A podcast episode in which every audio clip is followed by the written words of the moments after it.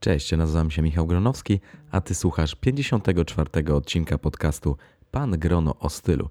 W tym odcinku będziemy rozmawiać również o stylu, bo moja gościni uwielbia styl, nosi często kapelusze i wyróżnia się na ulicach Sztokholmu. Moim gościem będzie moja przyjaciółka Dominika Domka Spytek, artystka, projektantka, poetka, absolwentka studiów drugiego stopnia na kierunku Design w Konstfack w Sztokholmie, członkini Stockholm Poet Society i autorka poetyckiego bloga Northern Nights, Noce Północy, założycielka Design for Equality, firmy zajmującej się projektowaniem rozwiązań dla sektora edukacji i zdrowia reprodukcyjnego. Dominika, Dominikę poznałem na Instagramie, e, lajkowaliśmy sobie posty pewnego dnia e, zdecydowaliśmy się spotkać. No i teraz już e, w zasadzie jest jedną z niewielu osób z Polski, z którymi utrzymuję e, regularny kontakt w Sztokholmie. W tym odcinku będziemy rozmawiać o Szwecji, o Sztokholmie, o tym, czym zajmuje się Dominika i może o tym, jak w ogóle wygląda randkowanie, jakie są relacje w Szwecji, czym to się różni od tego, co mamy w Polsce. No już bez przedłużania zapraszam do słuchania. I teraz wchodzi intro, a zaraz będziecie słyszeć Dominikę. Pan Grono o stylu. Poznaj tajniki swobodnej elegancji i metody rozsądnego budowania garderoby. Zaprasza Michał Gronowski.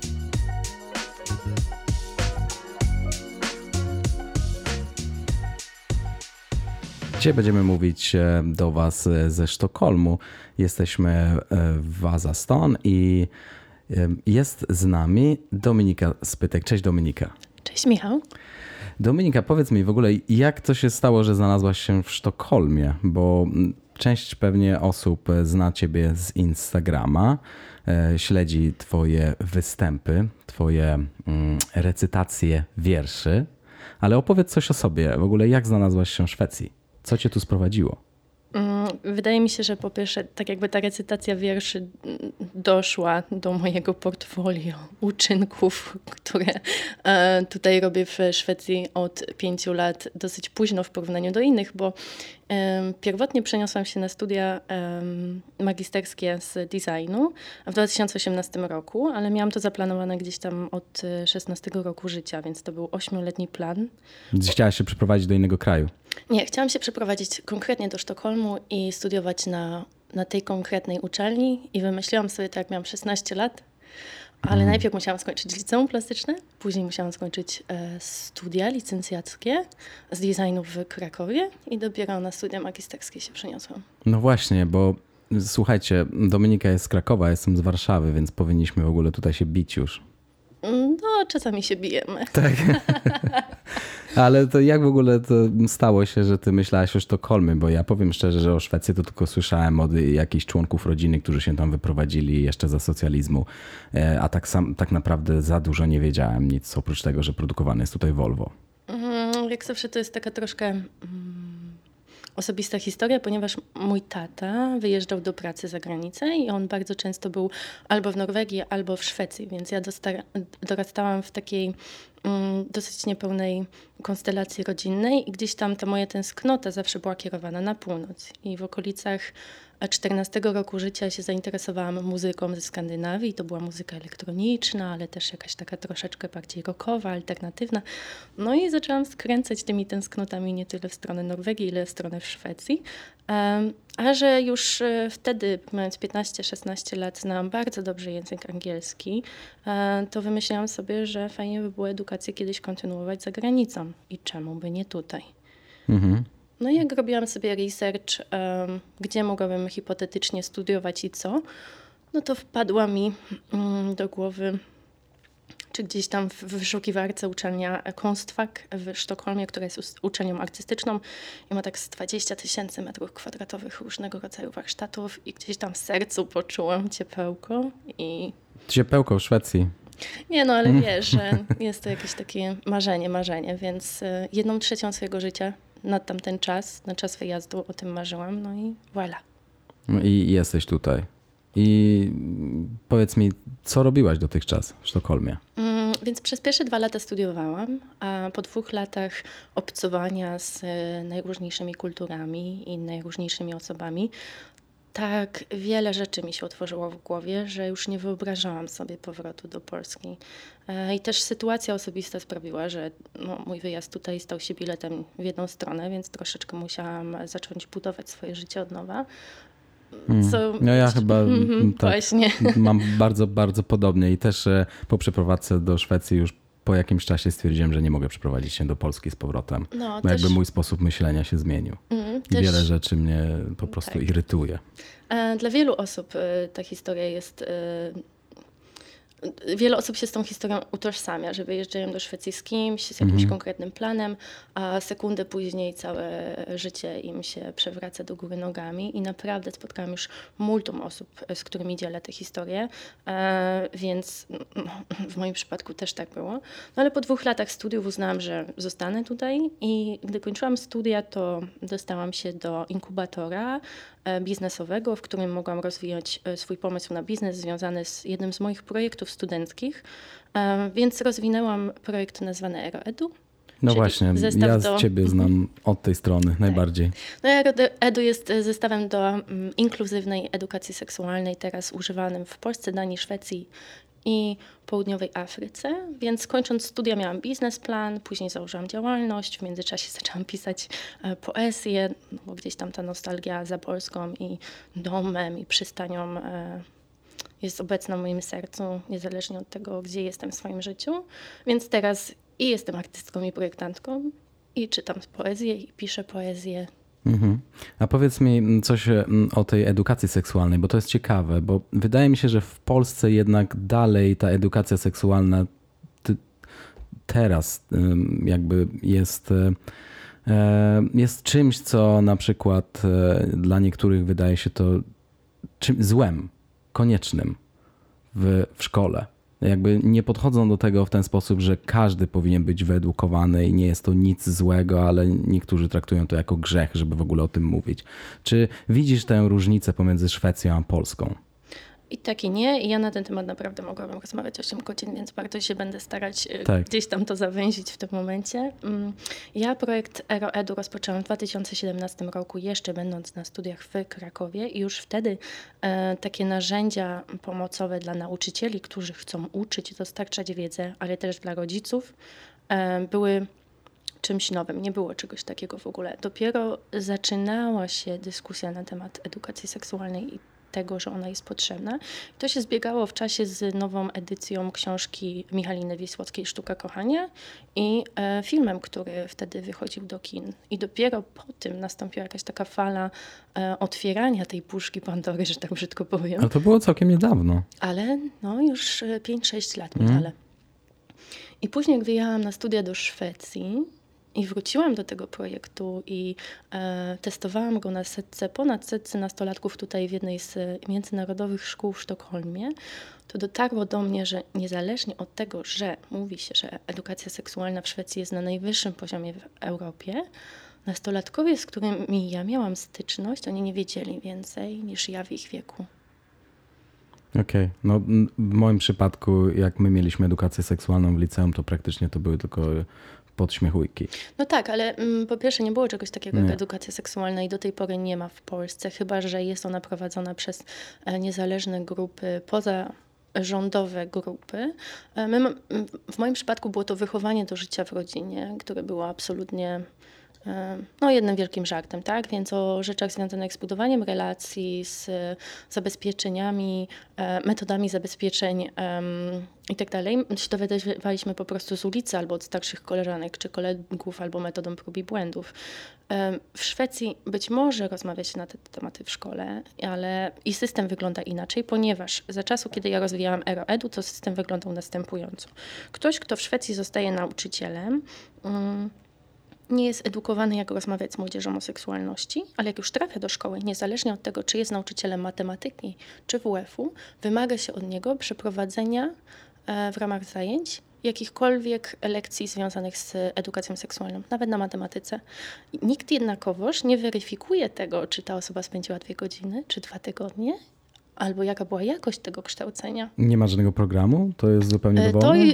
To, to jest stan na czasy, kiedy ja testowałam swoją y, pracę w szkołach, ale nie było jednego konkretnego programu. On jest rozwijany do tej pory, natomiast no, z jednej strony, wiesz, jest to otwarty kraj pod tytułem porozmawiajmy, e, pogadajmy, są odważne reklamy w telewizji. Dokładnie, w metrze. Tak, mm. e, łamie się tabu, łamie się stereotypy, Nie wyobrażasz sobie w Polsce reklamy seks shopów online w metrze? No, kiedyś może, ale... Mm. Nie, jeszcze nie teraz. no, e, tak czy siak e, nie jest to weryfikowane i nauczyciele też e, nawet w Szwecji mają ograniczone narzędzia, którymi się posługują. Więc wiesz, standardowo są to banany, książki, jakieś makiety, które oni sami stwarzają. No i dlatego też ja sprzedaję swój projekt, ponieważ jest to coś fizycznego, e, dzięki czemu nie ma konfrontacji między uczniem a nauczycielem, a jest konwersacja poprzez obiekt tak jakby trzeci, tak, albo ten zewnętrzny obiekt, którym jest EroEdu. Ja zamieszczę jakieś zdjęcia na moim Instagramie, więc jeśli chcecie zobaczyć, jak to wygląda, to będziecie to mogli zobaczyć na koncie MR Grono. Mm, tak, dzięki. tak, bo my możemy opowiadać, ale lepiej jest po prostu to zobaczyć, jak, jak to wygląda e, w, e, w praktyce. A powiedz mi, e, bo ty od samego początku mieszkałeś w Sztokholmie, ja mieszkałem w, w, w Smolandii, w małym mieście. Trochę opowiadałem o tym, że nie do końca czułem się tam dobrze. Powiedz mi, jak przyjechałaś do, do, do Sztokholmu, to co w ogóle było największą różnicą w porównaniu do Krakowa, do Polski? Hmm, to nie jest coś, z czym się zmierzyłam e, w pierwszym miesiącu mojego pobytu tutaj, ale w pierwszym roku. Hmm, chyba uświadomienie sobie, że Szwecja to jest takie to jest takie miejsce, gdzie ludzie mają otwarte zasłony w oknach i możemy zobaczyć, co oni robią. Albo jak idziemy na basen, to wszyscy mogą biegać nago w szatni i nikt nie ma z tym problemu. Ale jakaś taka emocjonalność, budowanie więzi trwa bardzo długo. A w Polsce mamy wszystko pozasłaniane. Tak. Absolutnie wszystko. Ale serce otwarte. Mhm. Mm, też, też, też to zauważyłem, że y, ja mam bardzo blisko do następnego budynku, zresztą widzisz to. Tak. I ja sądzę, że moi sąsiedzi widzieli mnie. Ja nigdy nie widziałem, żeby oni patrzyli, mhm. ale mm, to jest, tak, to jest takie dziwne. Ja się nie krępuję, nie, nie zawsze zasłaniam zasłony, y, nie przejmuję się tym zupełnie, ale jakoś tak, jak na przykład wychodzę na ulicę, rozmawiam z sąsiadami, to zwykle są to jakieś takie powierzchowe rozmowy o pogodzie, mm, o tym, tak. o, że już się, się ciemno robi, ale jak ktoś zapyta, jak się czujesz, a ja rzeczywiście powiem, jak się czuję, to jakby już ich to tak mało interesuje, się wycofują. No, mhm. nie ma wstydu, ale y, często też nie ma otwartości. Oczywiście to zależy, na kogo trafisz. Ja mam, tak, ja mam szczęście do ludzi, jeśli chodzi o przyjaciół, oczywiście. Więc Szwedzi e, i Szwedki, e, których ja poznaję na swojej drodze, są najcieplejszymi osobami na świecie, naprawdę. Ale no, znam i też takich, którzy nie są, więc hmm. tylko, że wtedy się nie zaprzyjaźnimy, prawda? Okej, okay, ale jak pracowałaś, no to było bardziej takie międzynarodowe towarzystwo, bo pracowałaś, e, jak się nazywało to miejsce? E European... Tak, moja ostatnia praca to była praca dla um, European Center for Disease Prevention and Control, ECDC, czyli to szwedzka, szwedzka agencja zdrowia publicznego. Mhm. Byłam tam uh, web designer, design, web designer, mhm. uh, ale pracowałam wcześniej, wiesz, w szwedzkiej kawiarni w trakcie studiów, uh, w biurach projektowych prowadzonych stricte przez Szwedów. No to, ale na pewno masz też jakieś kontakty z ludźmi e, niekoniecznie urodzonymi w Szwecji imigrantami albo z, z jakim z pochodzenia mm. spoza Szwecji. Tak. I jest zauważalna różnica, przynajmniej ja to widzę. Mm, no, nie? Wiesz, ja próbuję nie generalizować, ale troszkę jest. No, moje środowisko jest bardzo międzynarodowe. Ja bym mm. powiedziała, że znam dwie osoby z Polski tak bliżej, czyli ciebie oraz moją przyjaciółkę Zośkę, też z Warszawy, masakra. Powiedz, gdzie mieszka. Nie mogę. nie oddam Zosi. Ale, e, a reszta, Nie, to 80% moich przyjaciół to są Francuzi, no i tam może 20 to reszta. Nie, no to chciałem się trochę pośmiać, że Zosia mieszka w Kungens, kurwa. Za każdym razem, jak słyszę nazwę tej miejscowości, To nie jest, to miejsca. miejsca. to ja wydaje, wydaje mi się, że to jest oddzielne miasto, że ma Mm. Prawa nie, nie, miejskie. nie, Nie? To jest dzielnica? Bo Sundbyberry to jest oddzielne miasto na przykład. Miasto? Tak, tak, ma prawa komuna? miejskie. Nie, I myślę, że sami gubimy w tym Naprawdę, wszystkim. to jest, ma oddzielne, oddzielne prawa miejskie, więc wydaje mi się, że Kungens, kurwa, tak samo. I tam Jest to królewski zakręt, jeszcze Tak, tylko musimy dokładnie. zaznaczyć. N- Kungens, czyli od króla i kurwa jako tak, jak- zakręt. Ponieważ po- e, z tego, co ja słyszałam, to po prostu tam kiedyś król... samochód, samochód Wy, wyleciał na zakręcie i tam powstało miasto. no, Dokładnie. mamy takie właśnie Cadillaciem jechał. Ach, biedny samochód. Mm, Miałem kiedyś Cadillaca, więc mm, niestety to był bardzo przykry moment w moim Mm. życiu. Tak. No okej, a, a powiedz mi, a teraz na czym się.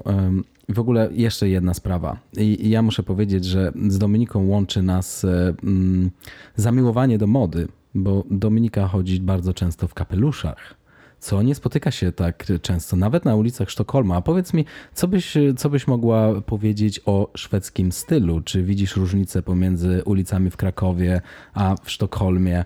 E, Czy tutaj ludzie bardziej mm, wyrażają siebie, czy są jednakowi? Jak to widzisz? Bo wydaje mi się, że w Sztokholmie jest tak, że zależy gdzie pójdziesz, to ta odpowiedź będzie inna.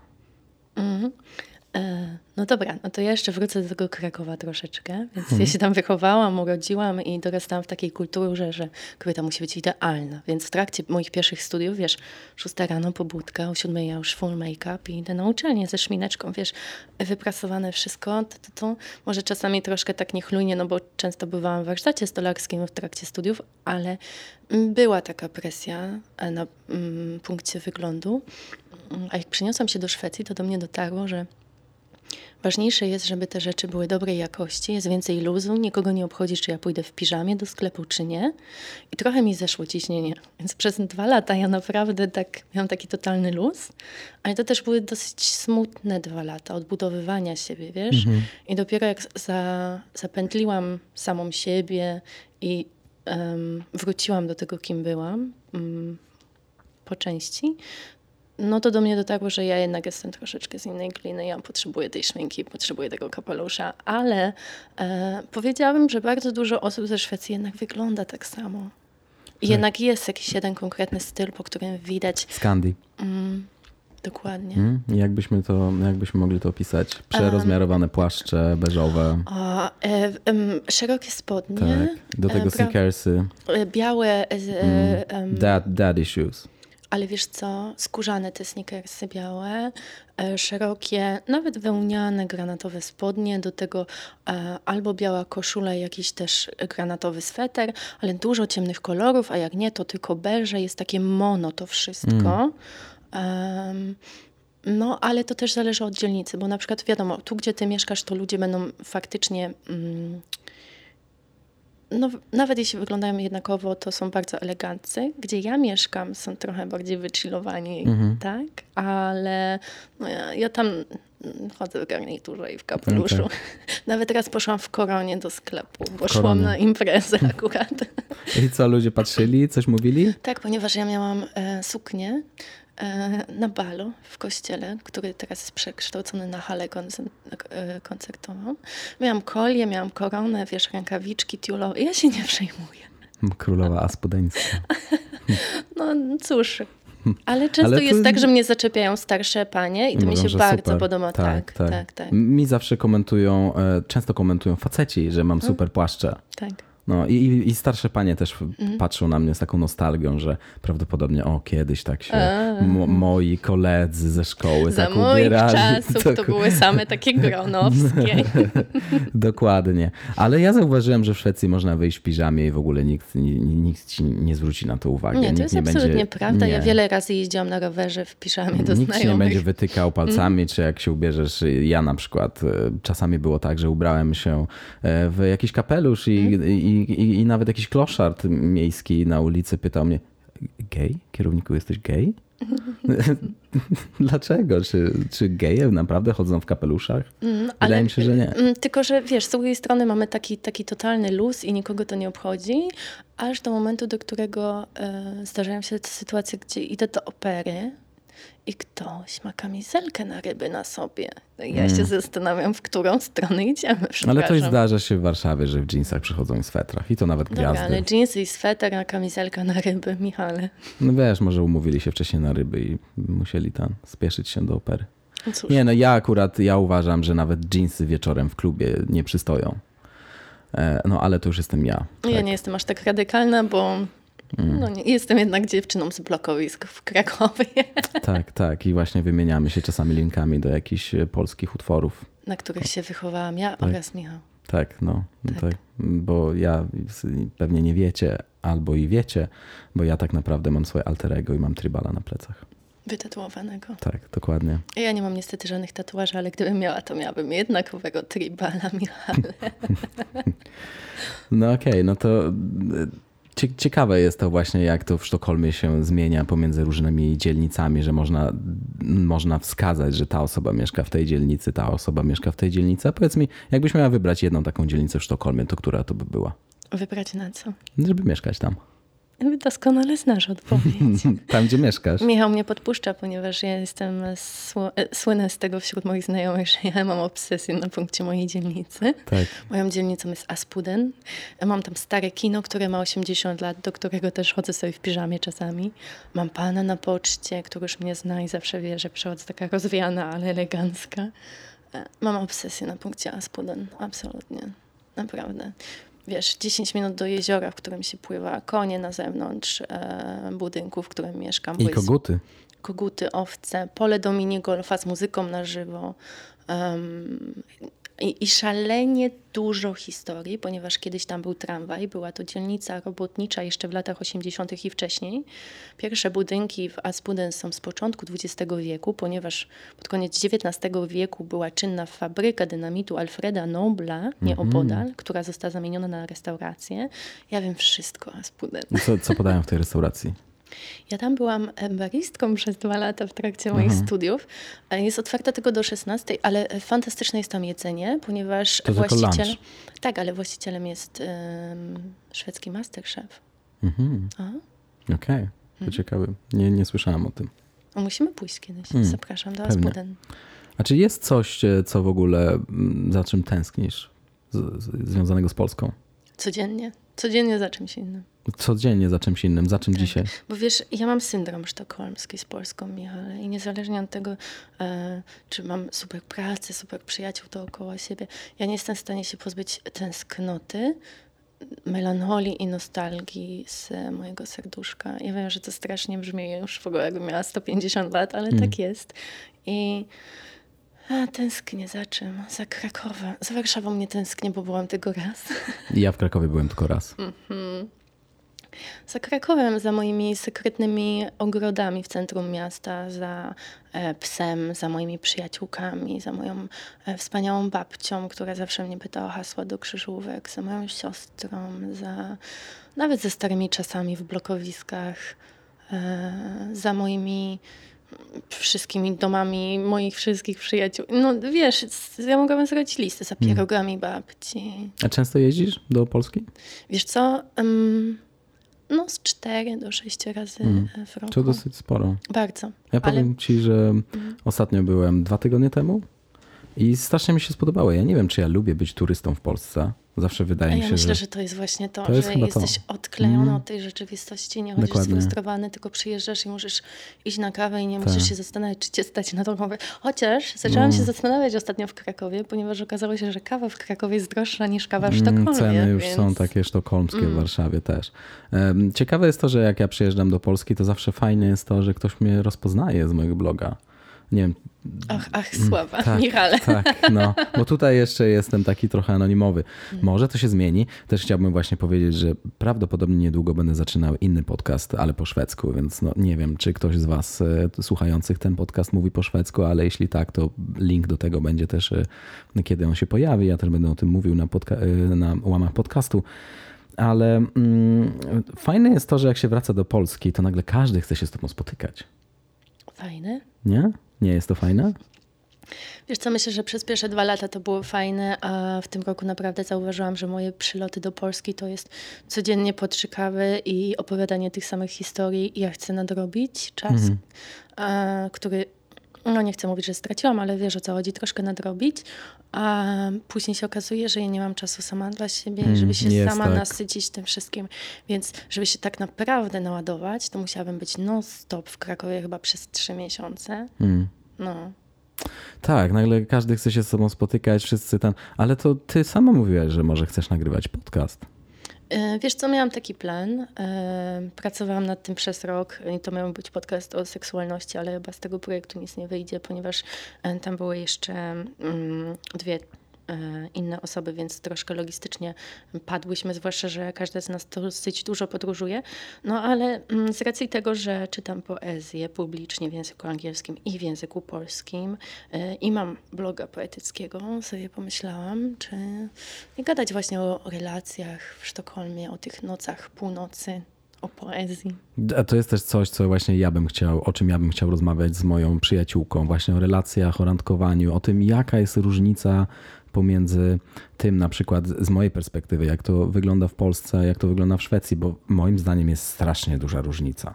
Nie wiem, czy, czy, czy, czy masz takie. Ja na, na, w dwóch ostatnich odcinkach podcastu mówiłem trochę o relacjach i o tym, że wydaje mi się, że w Szwecji więcej się rozmawia, więcej komunikuje się e, we wszystkich relacjach niż w Polsce. W Polsce wiele osób, które są ze sobą długo, nie, nie wiedzą wiele o sobie, w ogóle nie rozmawiają. E, Masz takie spostrzeżenia, że tutaj ludzie bardziej rozmawiają o swoich relacjach i komunikują się lepiej? Wiesz co, i tak i nie. Nie wiem, czy mam punkt odniesienia do Polski, dlatego że ja w Polsce byłam w dwóch długoterminowych relacjach i w momencie, w którym przyjechałam do Szwecji, to właśnie ta jedna z nich padła, no tak mniej więcej po miesiącu i od tamtej pory, czy już pięć lat, no mam styczność tylko ze szwedzką sceną datingową. I powiem ci, że to jest. No i w tym momencie już przeszłam na emeryturę generalnie, bo enough is enough. Ta, no tak, no w Szwecji bardzo ciężko poznać kogoś na ulicy czy nawet w klubie, bo raczej to wszystko dzieje się online. Ja chcę wiedzieć, kim są ci ludzie, którzy znaleźli w Szwecji miłość. Naprawdę, proszę, ręka w górę. Bo dla mnie to są po prostu jednostki i ja wiem, że to, To, chyba jeszcze w możliwe. gimnazjum. Mm, mm, O, być może, ale wiesz co, jest bardzo dużo warstw w tym pytaniu, bo po pierwsze, czy to jest kwestia czasów, w których żyjemy, e, czy to jest kwestia tego, gdzie my jesteśmy ze swoim, e, w swoim własnym życiu, czy to jest kwestia innych osób i tego, gdzie one są. Tam jest strasznie dużo różnych rzeczy, które trzeba rozważyć. I nie wiem, no też zawsze będzie ciężko komuś z zagranicy, e, pochodzącemu z szalenie innej kultury, Dokładnie. odnaleźć się w To jest bardzo ciekawe, co powiedziałaś. Bo wiele osób mówi, że imigranci, którzy przyjeżdżają do kraju, na przykład do Polski, oni są z zupełnie innej kultury. Ja mogę powiedzieć, że my, Polacy, którzy przyjeżdżamy do Szwecji, jesteśmy z zupełnie innej kultury. Przecież Szwedzi ma, nas mają za tych katolików, którzy chodzą do kościoła, za tych, którzy piją dużo. no, Szwedzi też dużo piją. Ale wydaje mi się, że mimo tego, że te kraje są tak blisko, to różnice są ogromne. Chociaż wydaje mi się, że w ogóle Szwecja różni się bardzo od wielu innych krajów. Szwecja jest dosyć wyjątkowa. Szwedzi są bardzo wyjątkowi. No, to chociażby jak oni czekają na autobus, każde dwa metry od siebie e, w kolejce. Jak chcesz coś załatwić, e, to najczęściej najlepiej jest zapytać, czy istnieje jakiś problem, i wtedy Szwedzi będą unikać tego problemu i uda ci się załatwić wszystko od razu. Tak, Mm, nie szybko. lubią konfrontacji Nie. i nie lubią jakiejś takiej dramaturgii, więc o A tyle... my Polacy lubimy dramy. Wiesz co, Ja to jestem królem dram, wydaje mi się czasami. nie wiem, czy mogę publicznie teraz potwierdzić, tudzież zaprzeczyć. Ja już potwierdziłem. Wiesz, o tyle, o ile na przykład y, o niemalże spóźniając się na transport y, w Chorwacji, gdzie miałam autobus, zaraz miałam prom i ten prom to był ostatni prom w tym y, tygodniu na wyspę. Mogłam zadzwonić i krzyczeć i mówić, że od tego zależy moje życie. Tak, jakbym była w Szwecji, to bym mówiła bardzo spokojnie i dosadnie, ale no na pewno nie aż tak entuzjastycznie, energicznie, Nie, no, bardzo spokojnym głosem, bo od razu inaczej to by cię wzięli za agresywną. Mm. No, no. Trzeba być rzeczowym, ale tak jakby taka pasja i takie porywy e, nie są wskazane, nie? No nie, tu, tu raczej trzeba być takim spokojnym i e, logą, Logo. czyli takim w sam raz. A powiedz mi, jeśli ktoś przyjeżdża do Sztokholmu, to co powinien zobaczyć tutaj? Gdzie powinien się wybrać? Bo ty znasz parę fajnych miejsc w Sztokholmie. A my, ja myślę, że my wiesz, ty mógłbyś zrobić swój przewodnik, ja mogłabym zrobić swój przewodnik. E, Po pierwsze na pewno do Aspuden. Nie no, ale poważnie, ponieważ widoki i woda i ta e, była fabryka dynamitu, która jest restauracją, są absolutnie fenomenalne. Po drugie, wziąć, e, wsiąść sobie na prom, który jest transportem publicznym. Tak, dokładnie. Mm, Ponieważ kupując bilet na transport publiczny, mamy dostęp do autobusów, tramwaju, metra oraz promu. łodzi. Mhm. E, Pamiętam, że jeszcze przed koroną można było napić się kawy i herbaty za darmo na promy. naprawdę? Tak, dokładnie. Jak byłem tutaj pierwszy raz w 2013 i chyba później w 2000... 18, 19 już tego nie było. Nie, nie, ale to pam- pamiętam, że był czajnik, była kawa, herbata. Tak. Wow, okej. Więc na pewno jedną z, z tych rzeczy. A gdzie bym jeszcze poszła? Ja bym na pewno poszła wieczorem do wspaniałego kabaretowego baru, który nazywa się Melt. Jest stosunkowo niedaleko od tego, gdzie ty mieszkasz, Michale. I tam piątek, sobota, niedziela są występy burleski.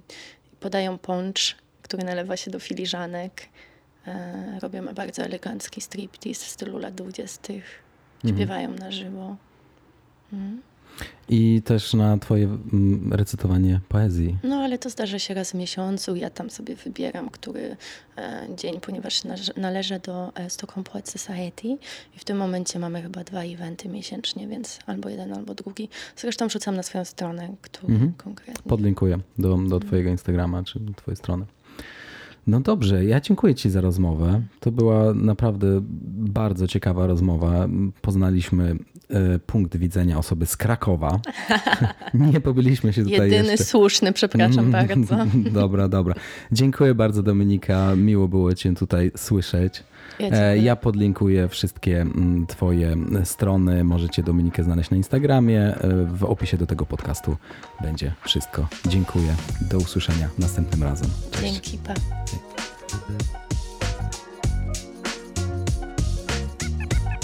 Subskrybuj podcast Pan Grono o stylu w swoim telefonie, by nie przegapić żadnego odcinka. Po więcej informacji odwiedź stronę www.pangrono.pl.